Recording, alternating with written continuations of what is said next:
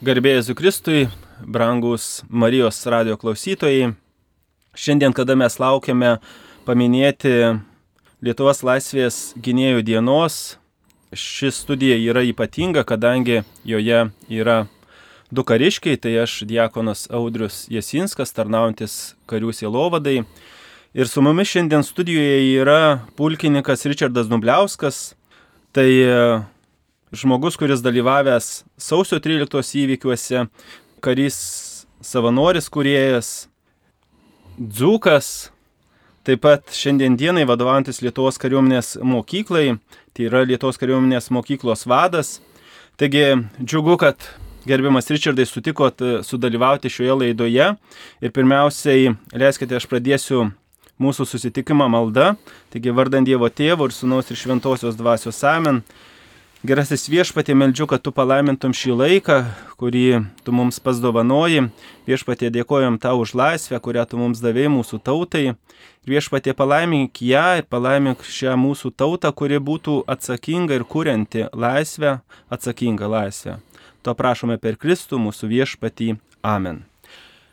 Taigi, gerbiamas pulkininkė Richardai Dumbliauskai, trumpai pristačiau jūs, bet gal dar galėtumėt ką nors apie save daugiau pasakyti Marijos radio klausytojams? Broliai ir sesės katalikai, su šia puikia diena visus. Aišku, labai gražiai Audrius pristatė mane. Esu vienas iš Lietuvos kariuomenės karių, karininkas, pulkininkas. Tarnyboje jau 33 metai, kaip tik sausio 12 bus 33 metai kaip tarnyboje, vykdžiau įvairiausias pareigas, buvau karių, skiriaus vadų būrio vadų, kariūnų, karo mokyklai, karo akademijoje. Daugiausia laiko praleidau žvalgyboje ir karinėme rengime. Praktiškai tarnavau visose mokymo įstaigose rimtesnėse Lietuvos kariuomenėse ir šiandien dienai vadovauju divizijos generolo Stasio Raštikio kariuomenės mokyklai. Paminėjote žvalgybą ir kada man teko dar pažinti jūs jaunų leitenantų, tai aš mačiau tada, kaip jaunas leitenantas Richardas degė žvalgybą. Kas va čia jūs uždegė į žvilgsnis į žvalgybą, tarnauti žvalgyboje? Na žinot, kaip su žvalgyba yra žvalgai ieško draugų tarp priešų, o kontržvalgai ieško priešų tarp draugų. Tai, tai žvalgyba yra pagal karybos visus kanonus ir doktrinus yra pagrindinė kovinio aprūpinimo dalis. Tai reiškia, kad vado akis ir ausys, jie yra žmonės specifiniai, aktyvesni, judrus ir aišku tam tikra romantika manau, kad tuo metu tai buvo man kaip tik tas, ko reikia. Paminėjote, kad 33 metai Lietuvos kariuomenėje ir e, susijęs su sausio 12 diena. Tai kasgi sausio tą 12 dieną įvyko, kad jūs prisijungėt prie Lietuvos kariuomenės?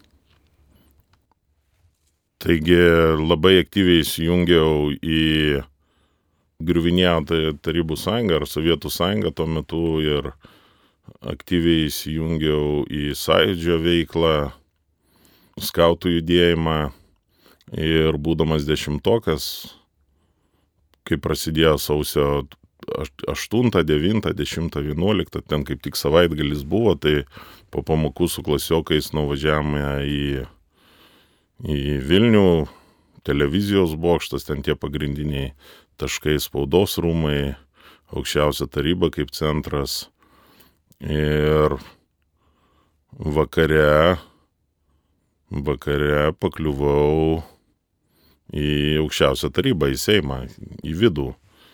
Ten skubos tvarka buvo organizuota priesaika, savanorių ar kario priesaika, tuometinio atsakingo Audrius Butkevičiaus ir mes davėm priesaiką. Tuo metu man buvo 15 metų, nu, bet buvau nu, aukšto ūgio naugęs, tai nelabai tenkas tikrino dokumentus.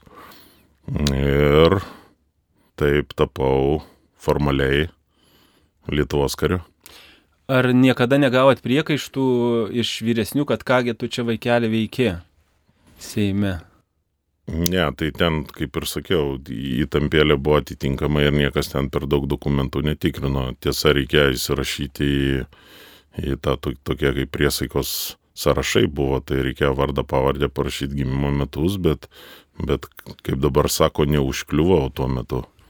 Taigi Laisvės gynėjo dieną prisijungėt prie Lietuvos kariuomenė ir vat e, sausio 13, ta, ta ypatinga e, diena, naktis, sakykime, jūsų akimis, ką jūs matėte parlamente, kiek galėt pasidalinkite. Tai viską, ką, ką atsimenu ir ką mačiau, aišku, įrėžė gilų, gilų rėžį į mano atmintį. Svarbus momentai manyčiau, kad viskas buvo pakilu, džiaugsminga, tačiau naktį, kada, kada pradėjo brusdėti sovietinė kariuomenė po Vilnių imti bokštą, tada teko, tada teko pajausti ir tą tokį vos nemirties baimės jausmą, nekuriem žmonėm buvo netgi tokie kaip panikos priepaliai, kada laukia nežinomybės.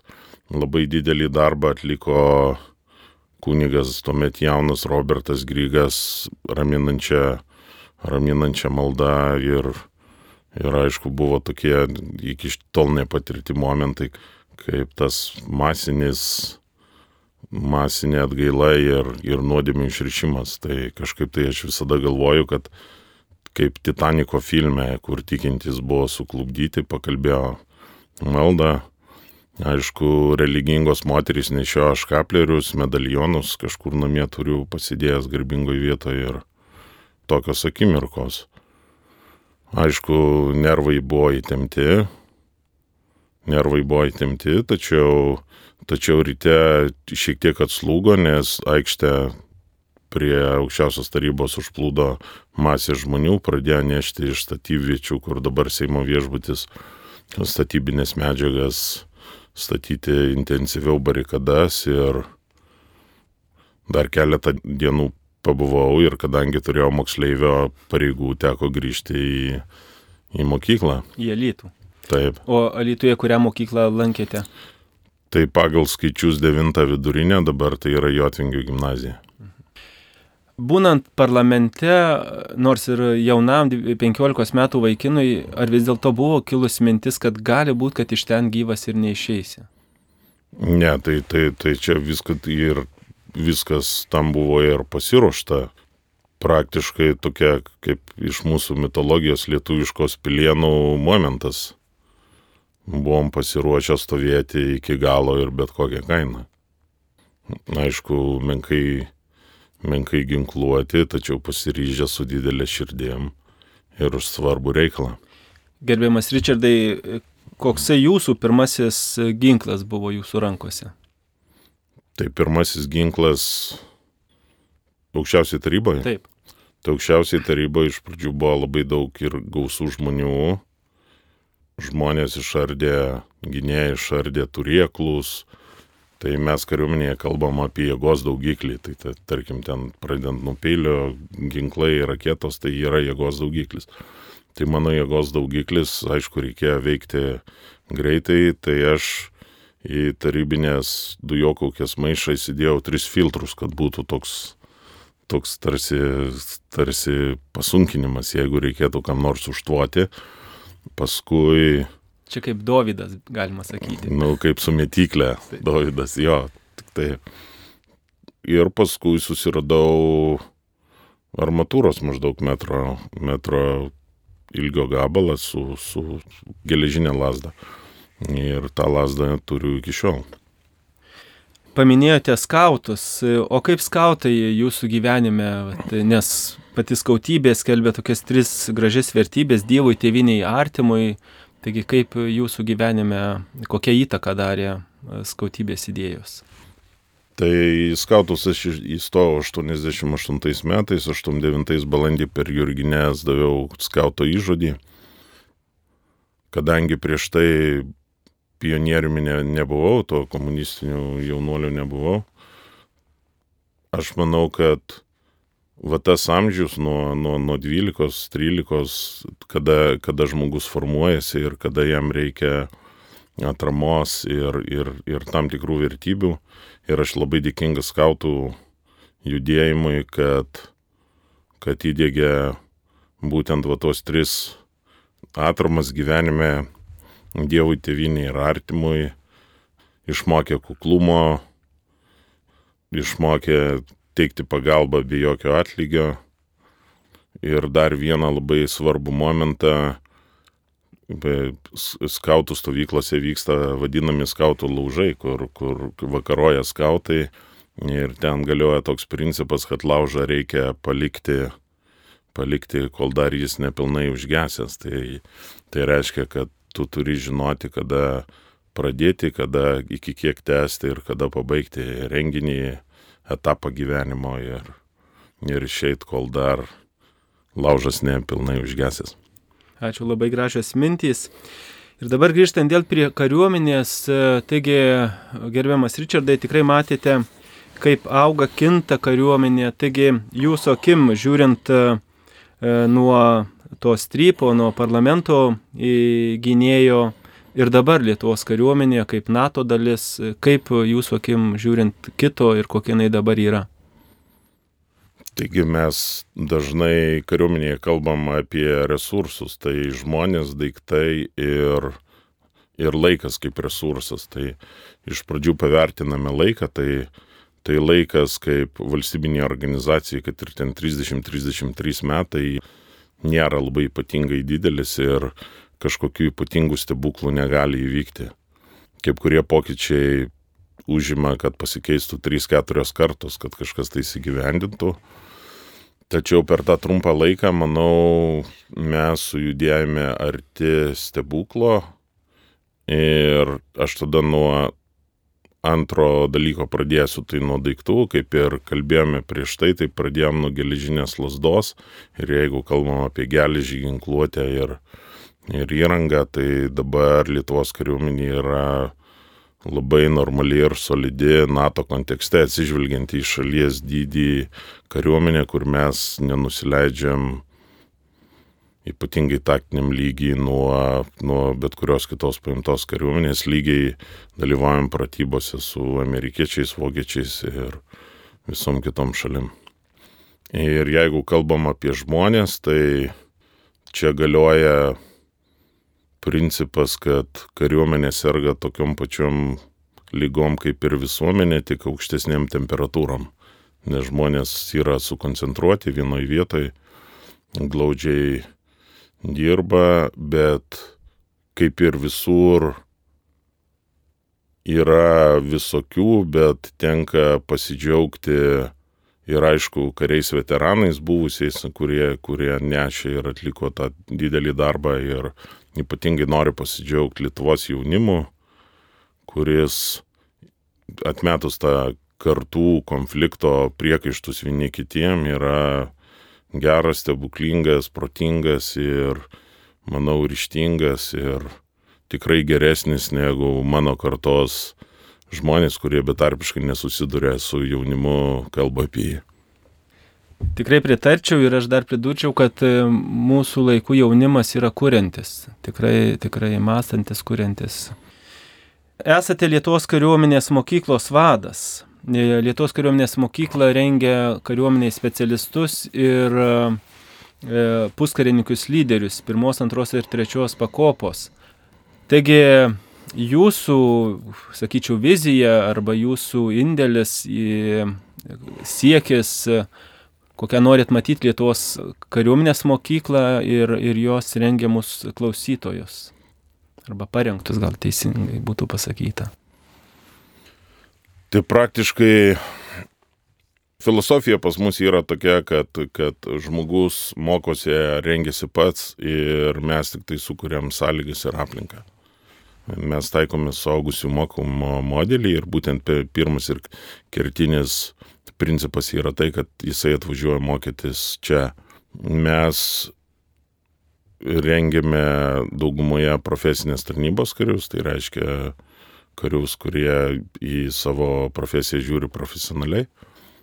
Ir dėl to tai yra motivuotas kontingentas. Nu, mes vadinam klausytojai arba kursantai. Ir dėl to nėra jokių problemų.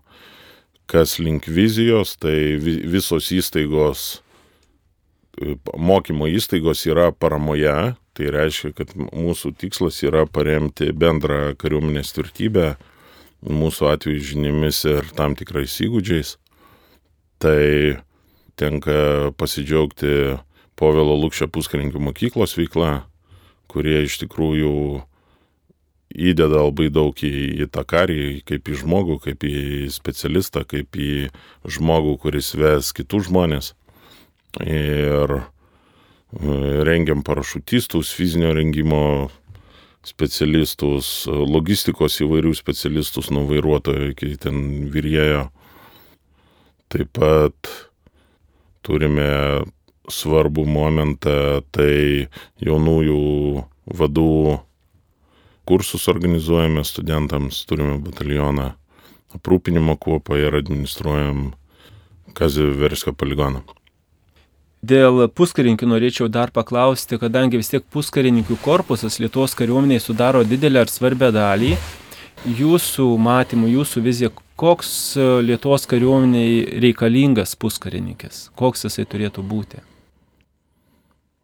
Gyvenam laikais, kada ne didelis nugali mažo, kada greitas įveikia lėtą. Tai visų pirma turėtų būti žmogus, kuris masto. Aišku, seka idealų, protinga galva ant stiprių pečių, fiziškai ne paskutinis ir greitai gebantis priimti sprendimus ir spręsti situacijas. Kadangi esam Marijos radijui, tai tikrai dėrėtų pasikalbėti ir apie tikėjimą. Ir neslėpsiu, esat vienintelis man sutiktas Lietuvos kariuomeniai pulkininkas vadas, kuris, kada su manim sveikinatės ir nepašaipiai sakot, kad Kristus yra karalių karalius ir tai aš labai vertinu ir tikrai didžiuojuosi. Jumis, taigi norėčiau paklausti jūsų santykis su tikėjimu. Kur, ar, ar galbūt jūs įtakojo sausio 13, ar, ar iš senelių, iš tėvų, kur tikėjimas, iš kur atėjo pas jūs tikėjimas? Tai aš manau, kad aš, kada, kada augau, tai daugumos lietuvių šeimos tą šešėlinio gyvenimo tarybiniais laikais išgyvenau vaikystę. Tai kaime parapija, katechezė, iš, išpažintis atgaila. Atsiprašau, kokia buvo parapija? Aš už Šilalės rajone pajuralis toksai yra. Ir praėjau per visus tos etapus. Sutvirtimo sakramentas buvo sutiktas per vyskupą Vaičių.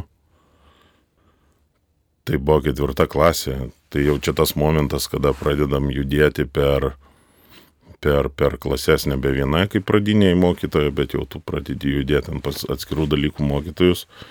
Ir pakliuvau nu pirmą savaitę į geografijos pamoką, kaip dabar atsimenu, aišku, Vaičius buvo priegitavęs ant šilaliai per, per mišės, kad nebijokit, kad esat katalikai.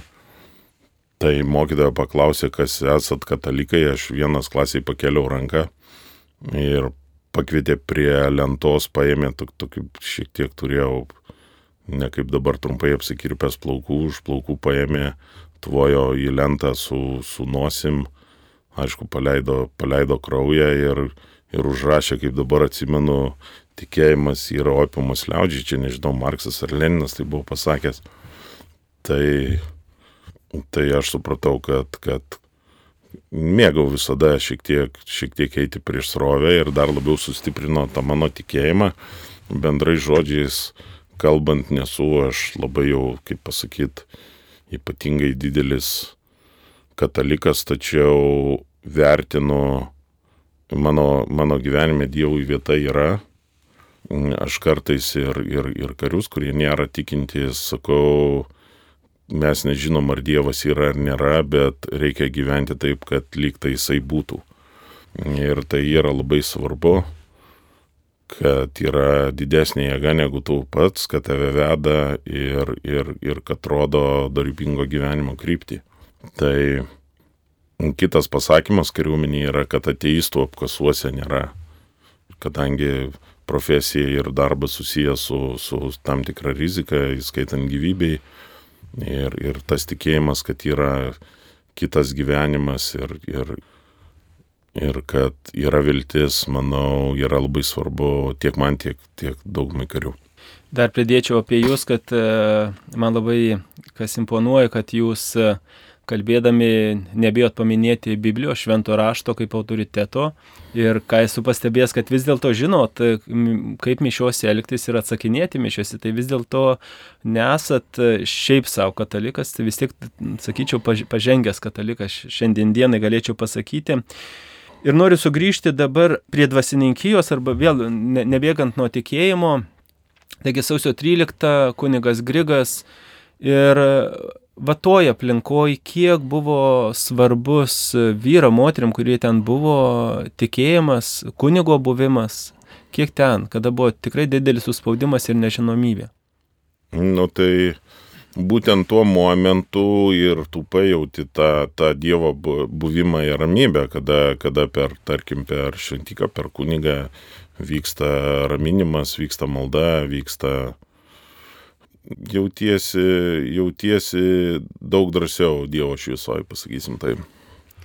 Žinot, man vienas puskarinkis ukrainiečių, kaip sakė, sako, kai pas mus batė melžiasi, sako, ai, sako, ateina ir tie, kurie sako, kad netiki, nes jie žino, kad šalmas ne visada apsaugos. Nu, būtent tai taip ir yra.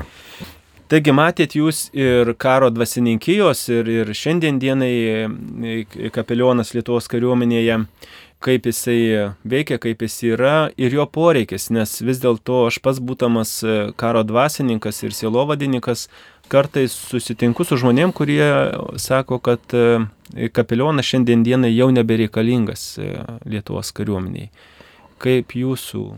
Manymas? Tai yra kategorija žmonių, kurie kuriem daug kas yra nereikalingas ir daug ko nereikia išskyrus juos pačius. Tai čia viskas tvarkoj, žinom, kad tokių žmonių yra ir gyvenam, tačiau jeigu kalbame apie silovadą ir dvasinį reikalą šiais materialybės laikais, aš manau, kad tai yra labai svarbus aspektas, nes ypatingai mūsų profesijos žmonėm, kurie įtikėję, kad jie stovi už šitą daugiau negu jie patys yra, reikalingas tam tikras tam tikra struktūra ir vedimas ir kelias ir, ir manau, kad kapelionai puikiai su savo užduotim susitvarko, tai, tai nėra žmonės, kurie perša ten savo nuomonę kažkokią ar, ar, ar veda, ar ten stovi su, su sąsuniu ir žymi, kas dalyvavo mišiose ar ne. Tai yra požiūris, aš manau,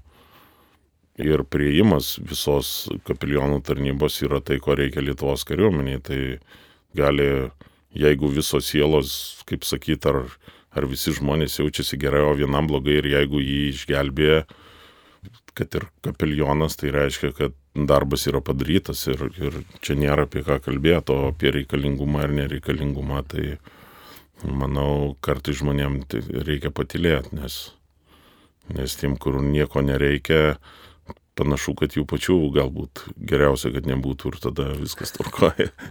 Nu, čia drasus pasakymas. Taigi, dar prie tokio vieno klišinio, sakyčiau, klausimo, kurį visada ir man užduoda, ir, ir tikrai ne vienam e, kariui, kuris e, turi tikėjimą, yra užduodamas klausimas, e, kaip jūs katalikai žiūrite į įsakymą nežudyk. Koks jūsų būtų atsakymas?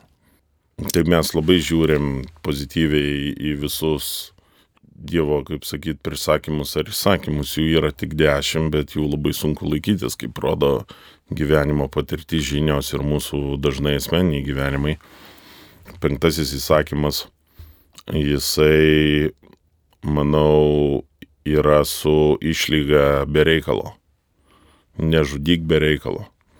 Ir tevinės gynybos reikalai nekalbu apie plėšimą į kažkokį žygį, agresiją, bet tėvinės gynybos reikalai būtent yra ta Dievo išimtis, kuris sako, kad reikalas yra ir, ir aišku, pažeisi tą įsakymą, bet reikalo vardan.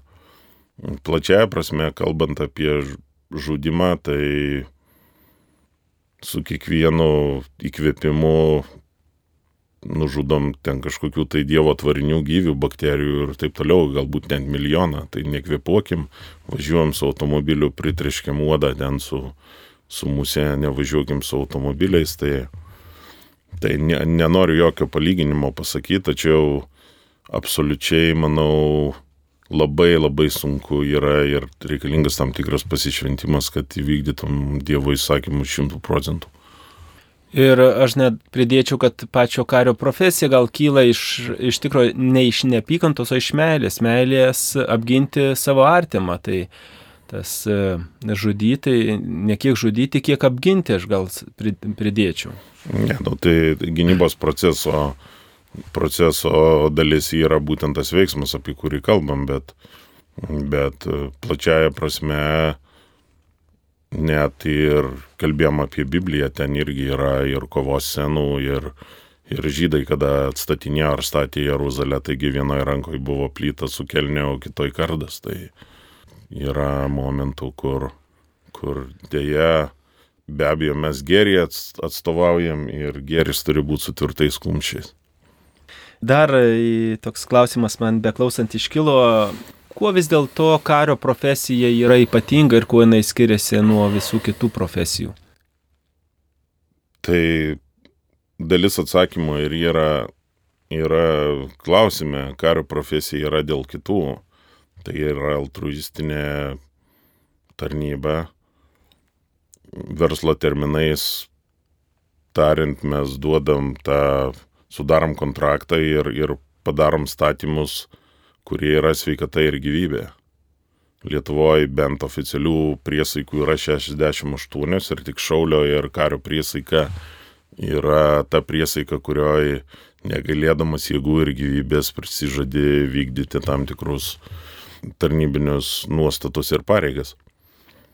Tai daro išskirtinę tą profesiją jinai yra vėlgi draudiminė profesija ir būtų gerai, kad, kad tos profesijos įgūdžių nereikėtų niekada panaudoti. Karys jaučiasi komfortabiliai, aišku, ir taikos sargyboje, tačiau jisai pasiruošęs, jeigu reikalas bus, ne, kaip ir minėjau, gyvybės ir sveikatos sąskaitą savo atlikti pareigą. Net ir šiandien dienai nebūtinai kare, aš sakyčiau, karys prisideda prie to, kad šiandien dienai galėtų žmonės ramiai, saugiai gyventi ir kurti. Mes miške šalam, kad, kad e, jie galėtų prie žydinio su šeima būti, kada mes miške būnam e, be šeimos. Jūsų vertybės, e, gerbiamas Richardai, kas jums tai yra svarbu ir, ir ką jūs iškeltumėt kaip jūsų vertybės? Tai man kaip karininkui ir aš kaip karininkas, aišku, turiu paštrėjusi teisingumo ir, ir, ir patriotizmo jausmą. Be abejo, man svarbi mano šalis, apie, apie tas vaikystės vertybės Dievas, tėvinė ir artimas, tai artimas apima mano šeimą, mano, mano tarnybos kolektyvą, mano draugus. Tai yra labai svarbu aš gyvenu arba stengiuosi gyventi pagal kariuomenės vertybės, kurios yra ištikimybė, ištikimybė šaliai vienetui, iniciatyva, ieškau progų, kaip galima patobulėti, pagerinti, pagerinti tarnybą ir galbūt gyvenimą. Profesionalumas, tai siekiu meistriškumo savo, savo srityje. Šios vertybės yra labai svarbios ne tik mano, bet ir visų kitų karių gyvenime. Kadangi aš jūs pažįstu nuo labai jaunų dienų, teko vienam akuose net gulėti, kiek aš pažįstu, jūs, jūs esat labai kūrybingas žmogus. E, atsimenu, Lietuviai mokymo centras e, Liongino Baliukevičiaus Zūko vardą turėjo ir, ir tikrai ten, nu, eidavau per aukštus ir visur kūryba, visur mintis, gražios, gražus šūkiai. Iš kur tai ateina? Kadangi esam Marijos radijai, tai Dievo dovana, sakyčiau. O, labai ačiū, labai graži mintis. Ir baigiant laidą, nors aš galėčiau su jumis kalbėtis ir kalbėtis, man labai įdomu ir, ir gal dar kada nors turėsim ir kitą laidą.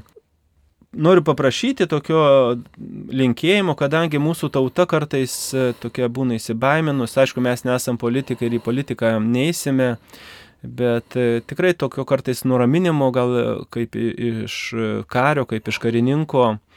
Ar šiaip kažką gal galėtumėt palinkėti lietuvių tautai, juk jūs esate tas, kuris vienas pirmųjų sutikote ginti mūsų šalį, mūsų tautą, būdamas tik 15 metų, būtent sausio 12 dieną, įeidamas į parlamentą, turėdamas rankose tiesiog strypą metalinį. Taigi ką jūs, kaip pilietis, kaip karys, kaip karininkas, norėtumėt ir galėtumėt palinkėti mūsų tautai lietuviams? Aš manau, kad e, svarbiausias tekstas ir svarbiausia mintis yra Vinco Kudirkos tautiškoji gesmė. Ir reikėtų, reikėtų eiti paprasčiausiai per eilutes ir stulpelius ir ten viskas yra iš principo surašyta, ko tikimasi iš lietuvio, iš Lietuvos piliečio, gerbti savo praeitį, eiti keliais darybės ir, aišku, pabaiga pati mylėti savo tėvynę, Dievą ir siekti vienybės. Mes nors ir šiauriai gyvenam, bet dažnai, dažnai nueinam į emocijas, bereikalingas emocijas, užgaunam vienas kitą, tai palinkėsiu, kaip ir buvo ant smetoniškų litų parašyta tautos jėga vienybėje, tai vienybės mums visiems. Su savo artimais, su, su tolimais, su Dievu, su tėvynė. Tai noriu labai padėkoti pulkininkui Richardui Dumbliauskui, Lietuvos kariuomenės mokyklos vadui, už šį dovanotą laiką mums, brangus Marijos radio klausytojai. Tikrai man šis laikas neprailgo ir galėčiau klausyti ir klausyti ir kalbėtis ir kalbėtis. Tikrai man kaip e, jūsų kapelionui tikrai gera užeiti ir jūsų kabinete ir pasikalbėti įvairiom temom. Tikrai esat turtingas vidumi žmogus, taigi labai didelis jums ačiū. Ir pabaigsiu mūsų susitikimą tiesiog pašlovindamas trejybinį Dievą. Garbė Dievui tėvui ir sūnui ir šventai dvasiai, kai buvo pradžioje, dabar ir visada ir per amžius. Amen. Iki malonių susitikimų, brangus Marijos radio klausytojai. Sudie. Sudie visi.